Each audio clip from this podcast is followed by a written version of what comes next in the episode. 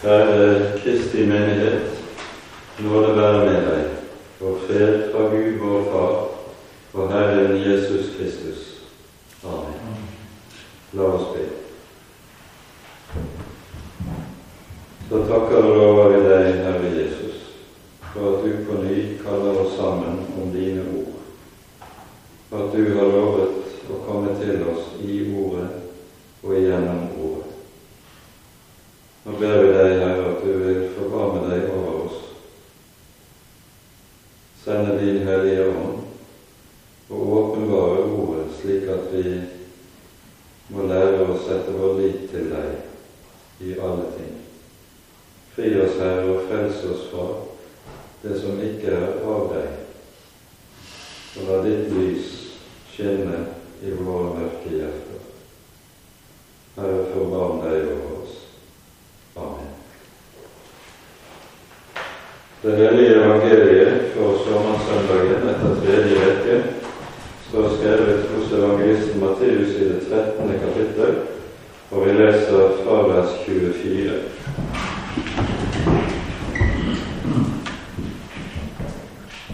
En annen lignelse fremsatte Jesus for dem og sa:" Himlenes rike kan lignes med en mann som hadde sådd godt korn i åkeren sin. Mens folkene sov, kom fienden hans og sådde ugress blant hveten og gikk så bort. Men da strået skjøt opp og satte aks, da kom også ugresset til sine. Tjeneren gikk da til husbonden og sa, Herre, var det ikke godt korn du sådde i åkeren din? Hvor har da ugresset kommet fra? Han sa til dem, Dette har en fiende gjort. Da spurte tjenerne ham, Vil du at vi skal gå og sanke det sammen? Han sa nei, for da vil dere også komme til å rive opp hveten når dere sanker ugresset sammen.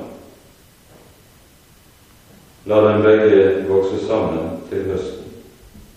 Når det så er tid for innhøsting, vil jeg si til høstfolkene, sank først ugresset sammen og bind det i bunter for å brenne det. Men hveten skal dere samle i min låve. Så har Jesus også forklart lignelsen noen vers nedenfor, og vi leser Jesu forklaring. Alt dette talte Jesus til folket i lignelser, og uten lignelser talte han ikke noe til dem, for at det skulle bli oppfylt som er sagt ved profeten. Jeg vil åpne min munn i lignelser, jeg vil fremsi det som har vært skjult fra verdens grunnvoll ble lagt. Deretter lot han folket dra bort og gikk inn i huset, og disiplene hans gikk til ham og sa:" Forklar oss lignelsen om ugresset i åkeren. Han svarte og sa:" Den som sår det gode såkorn, er menneskesønn. Åkeren er verden, det gode kornet er rikets barn, ugresset er den åndes barn. Fienden som sådde det, er djevelen. Høsten er enden på denne tidsalder, og høstfolkene er englene. Like som ugresset blir sanket sammen og oppbrent med ild, slik skal det gå ved enden på denne tidsalder. Menneskesønnen skal sende ut sine engler, og de skal sanke ut av hans rike alt som volder anstøt, og de som lever i lovløshet. Og de skal kaste dem i ildovnen, der skal de gråte og skjære tenner. Da skal de rettferdige skinne som solen i sin fars rike. Den som har ører, han hører. Dette var ordene, Hellige Far. Hellige oss i sannheten. Ditt ord er sannhet. Amen.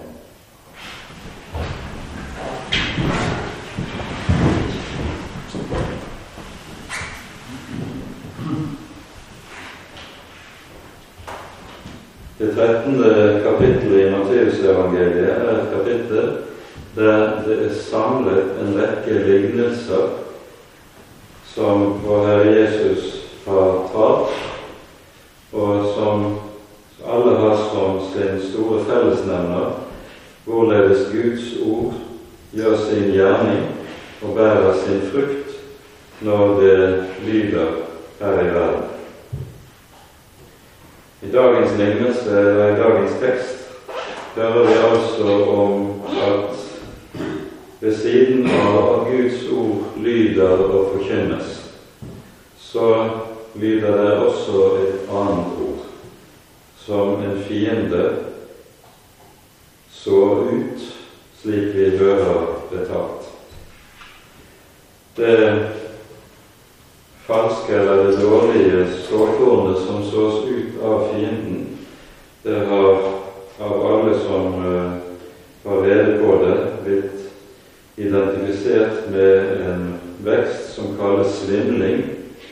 Hører til en plantefamilie som kalles reigress, og som har det med seg at det bærer korn med aks, men planten er giftig. Og den ligner i, særlig i første delen av sin fremvekst, på det gode korn, men det viser seg når vi vokser til, nokså tydelig at det er forskjell på dette og det som er det gode kår. Det er altså giftig, og i eh, åkrer der eh, den slags finnes dersom eh, dette kornet skulle blandes med det ekte kornet, så er det umulig å selge og bruke det rette kornet. I eh, romersk lov var det faktisk slik at dette, den slags er tatt opp innenfor strafferetten, og de som utfører den slags kjennelige handlinger, idømmes meget strenge straffer. Så det er tydelig at det Jesus taler om i denne lignelsen, det er slett ikke noe som eh, er ukjent ifra virkelighetens verden. Jesus sier i lignelsen at det er menneskesønnen som sår den gode, det gode såkorn, og djevelen som sår den dårlige vekst, det dårlige korn. Og Med dette så er vi midt inne i noe av det som er sentrum i Det nye testamentets budskap. Jesus sier i, når han står for Pilatus Jeg er dertil født og dertil kommet til verden at jeg skal vitne for sannheten. Hver den som er av sannheten, hører min røst. Om djevelen sier Jesus at han er en løgner fra begynnelsen av og løgnens opphavsmann. Og dermed er det de to så å si satt på plass i forhold til hverandre. Nå er det sånn med den løgn som kommer fra djevelen, det er at den alltid kommer i en drakt som gjør at den ser tilforlatelig ut. Djevelen er en som alltid bærer maske. Og Derfor hører vi også det sies f.eks. i andre Korinterbrev, i det ellevte kapittel, der det taler om den forførelse som menigheten er utsatt for, så tales det om de falske apostler. Det sies slik disse er falske apostler, slikefulle arbeidere som skaper seg om til Kristi apostler. Og det er ikke noe til å undre seg over, for Satan selv skaper seg om til en lysets engel, sier Jesus. Og Dette er den ondes fremtreden. Djevelen ser aldri frem med horn og, og kløvet fot, så det lukter svovel i hans fremtreden. Han trer alltid frem som lysets engel, og derfor som forfører. Og Derfor vil det være slik at menneskene lett lar seg forføre av ham, fordi den onde vekst ligner så ofte på den gode vekst. Dette er det Jesus altså taler om i dagens tekst. Et trekk som det er uhyre viktig å være oppmerksom på ved dagens tekst, det er at Jesus sier at åkeren er verden. Det er mange som utlegger, har utlagt denne teksten opp gjennom Kirkens historie, og som har sagt det slik at åkeren er kirken. Det er det altså ikke. Og det er en misforståelse som fort leder galt av sted. Og Når Jesus sier at åkeren er verden, så bevarer han oss med det fra to ulike misforståelser som begge er like alvorlige. For det første så lærer jo Jesus meget tydelig at i den kristne kirke skal det være lære og kirketukt. Det vil si, der det er tale om åpenbar vranglære, der det er tale om åpenbar synd, der skal det gripes inn i forhold til dette for at det ikke skal få bre om seg. For det er både slik at åpenbar synd og åpenbar vrang lære har det vi kaller for en surdeigskraft i seg. Og Derfor sier Paulus nettopp i denne sammenheng et par steder i sine brever en liten surdeig syrer hele deg. Dersom menigheten ikke setter grenser i forhold til dette og sier dette skal ikke finnes i Guds folk, så vil etter hvert hele den kristne menighet gjennomsyres av. Vel å merke er det tale om det at det som skal gripes inn i forhold til, det er åpenbar synd og åpenbar vranglære. Vi er ikke satt til å granske menneskenes hjerter for å finne ut av om de som bekjenner troen, virkelig er sant troende eller ikke. Den slags er umulig for oss. Herren alene kjenner hjertene. Og Derfor eh, vil det alltid være slik at det nok vil være en blanding av levende og sant troende, og slike som ser ut som troende, men ikke har troen, men er hyklere i den kristne mening. Men det er ikke vår sak å prøve å sette skillet slik. Men det er vår sak, og særlig er det noe av det som er menighetens hyrder sin oppgave, å sette en klar grense i forhold til åpenbar vanlære og åpenbar synd. Den andre misforståelsen som vi berges i forhold til når Jesus sier at åkeren er verden, er det som man av og til har sett i Kirkens historie, og som også var tilfellet på Jesu tid med fariseerne og saduseerne i de jødiske folk. At en blir utryddet fra folket alt som er i strid med frelsesåpenbaringen i Skriften. Dette ser vi i det jødiske samfunn på Jesu tid. Og Dette ser vi f.eks. i katolsk middelalder, der kjettere brennes på bålet osv. Dette hører ikke til i den kristne menighet. I verden vil det være slik at ugress og den gode vekst vil vokse side om side. Og slik skal det og må det være inntil enden kommer. Og at det å forsøke å rense ut den onde vekst fra denne verden fører til skade på den gode vekst, det ser vi ikke minst i Kirkens historie i middelalderen, der inkvisisjonen opptrådte på den måte som den gjorde. Dette er og blir alltid til skade for Guds rike og for Herrens små barn. Dette er det altså Jesus taler om i dagens tekst. Og med ordene 'åkeren i verden' vil han altså bevare oss mot to grøfter, to misforståelser av teksten. De som har utlagt teksten som om dette betydde at åkeren er kirken. De har brukt det helt konsekvent for å begrunne at det ikke skal finnes noe som helst form for læretukt i den kristne kirke.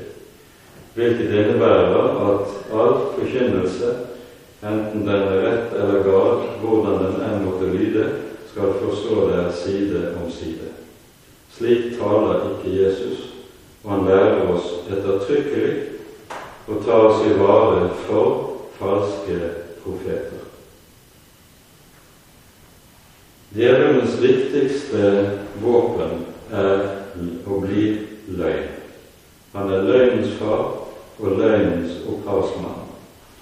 Og løgnen er noe som ikke bare forekommer i rent substansielt i det som lyder i hans men like meget også i hans fremtreden, i det han alltid opptrer med maske. Han opptrer alltid som en som vil oss vel. Han opptrer alltid som en som vil bringe oss velsignelse og noe godt. Og Derfor taler han alltid mye om kjærlighet, om toleranse, om godhet og slike ting. Dette har vi et tydelig fingerpek om og forbilde på allerede i syndefallsberetningen i Første Moseboks tredje kapittel der Herren jo har sagt meget tydelig til våre to forfedre dersom dere eter av det tre som står midt i hagen, da skal dere visselig dø. Det er sagt meget tydelig og meget sterkt i Bibelens grunntekst. Når djevelen kommer til Eva, så sier han dere skal visselig ikke dø. Han sier med andre ord ved å handle imot Guds bud, det er overhodet ikke farlig. Det selvfølgelig har det ikke den slags dramatiske konsekvenser, for Gud er jo kjærlig. Gud er god, og dere har ha misforstått ham når han sier at han vil la døden ramme hvis dere handler imot hans bud. Nøyaktig den samme røst lyder alltid og konsekvent fra de falske profeter. Dere skal visselig ikke dø. Dere må ikke tenke at Gud er tar ting så alvorlig. Gud er jo kjærlig. Gud er god. Og derfor er Gud en romslig og grei kar å ha med å gjøre. Den slags røster har vi hørt meget av, ikke minst i vår egen tid. Bibelen lærer oss i stedet at det er en klart enten-eller i forskjell når det gjelder forholdet mellom løgn og sannhet. I samme kapittel som vi har lest fra i 2. Korinterbrev 11, så hører vi om at denne ånd som kommer fra djevelen, den har fått rom i menigheten i Korint. Paulus skriver litt tidligere i kapittelet slik. Jeg frykter for at like som slangen lå Eva med sin list, slik skal også deres tanker bli fordervet og vendt bort fra den enkle og rene troskap mot Kristus. For om det kommer en til dere og forkynner en annen Jesus, som vi ikke har forkynt, eller om dere får en annen ånd, som dere før ikke har fått, eller et annet evangelium som dere ikke før har mottatt, da tåler dere det gjerne. Med andre ord, Paulus vil at menigheten ikke skal tåle når det forkynnes en annen Kristus, når de tilbys en annen ånd, eller når det lyder et annet evangelium i menigheten. Da skal menigheten sette en grense og si dette er ikke av Herren, dette er ikke ovenfra, dette er ugress.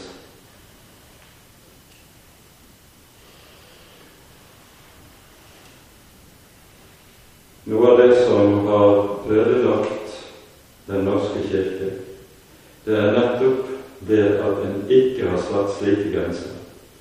Men det at man har latt den moderne toleransens ånd råde innenfor Kirken, slik at den ene slags forkynnelse er like god som den annen. Alt er like godt. Mens det som kjennetegner det som er av Gud, det er at når den levende Gud kommer inn og begynner å gjøre sin gjerning, da begynner en å se forskjell, se forskjell på lys og mørke. I skapelsesberetningen sies det da sa Gud bli lys, og det ble lys. Men skapelsesberetningen stanser ikke der. Den fortsetter med å si og Gud skilte lyset fra mørket. Og han kalte mørket natt, og lyset kalte han dag. Guds gjerning består alltid i ikke kun å skape lys i mørket. Det gjør han overalt der evangeliet lyder. Da skapes det lys inn i menneskenes mørke skapes lys i hjerter som er behersket av mørket. Det skapes lys inn i samfunn og kulturer behersket av mørket. Men Gud stanser ikke med det. Han setter også et skille. Han skilte lyset fra mørket og satte navn på den begge. Slik skal også vi lære oss å sette det rette navn på det som er mørket, og det som er lys.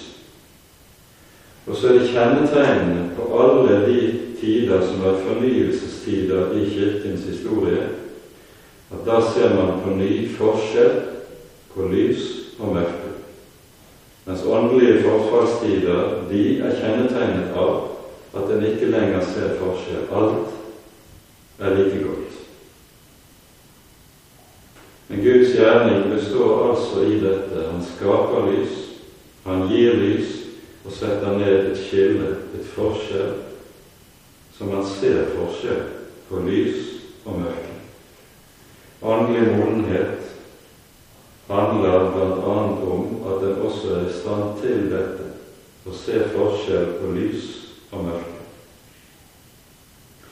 Det ugress som den onde fiendens sår, raigresset eller svindling, det er giftig. Og derfor er det farlig. Og det er det som gjør at løgnen ikke er ufarlig. Det er det som gjør at toleransen i forhold til løgnen, at man godtar den og lar den leve fritt, det er det som gjør at slik toleranse kan være dødelig. For det er giftig. Og Derfor sier også vår Herre Jesus at det som er det farlige med denne løgnen, det er at på den siste dag skal det føre til at de som har trodd den, vært behersket av den, de skal sanke sammen og kastes i ildovnen. Dette er noe av det dype alvor i Guds ord. At et menneskes forhold til sannheten er det som avgjør dets evige skjebne frelse eller fortapelse. I Johannes evangeliets tredje kapittel beskriver Jesus ganske kortfattet var det som kjennetegner den som ikke vil vite av sannheten. Han sier dette er i forlengelsen av samtalen med Nikodemus. Dette er dommen, at lyset er kommet til verden, og menneskene elsket mørket fremfor lyset, for deres gjerninger var onde. For hver den som gjør det onde, hater lyset og kommer ikke til lyset for at hans gjerninger ikke skal bli refset. Men den som gjør sannhet, kommer til lyset for at hans gjerninger kan bli åpenbart, fordi de er gjort i Gud. Menneskene hater lyset fordi de ikke vil at deres gjerninger skal bli løset. Når Herren kommer og kaster sitt lys inn over våre liv, så gjør han det med sin hellige lov, og vi avsløres. I dette kan det ligge et voldsomt ubehag. Jeg ser min egen skyld. Jeg ser at med mitt liv, sånn som jeg har levet mitt liv, så fortjener jeg Guds dom og Guds vrede. Og det skaper angst og frykt. Når et menneske for alvor får med Gud å gjøre, da begynner dette å bli en realitet. Og da kan menneskene gjøre ett av to. Enten slik som de Jesus taler om i versene vi leste, bare avvise det og vende seg i vrede, vende seg i vrede mot slik forkynnelse og si den slags mørkemenn, den slags hår tale vil vi ikke vite noe av. Eller det kan bøye seg for sannheten og si Gud, vær meg arme synderen nådig. For den som gjør slik, er det håp.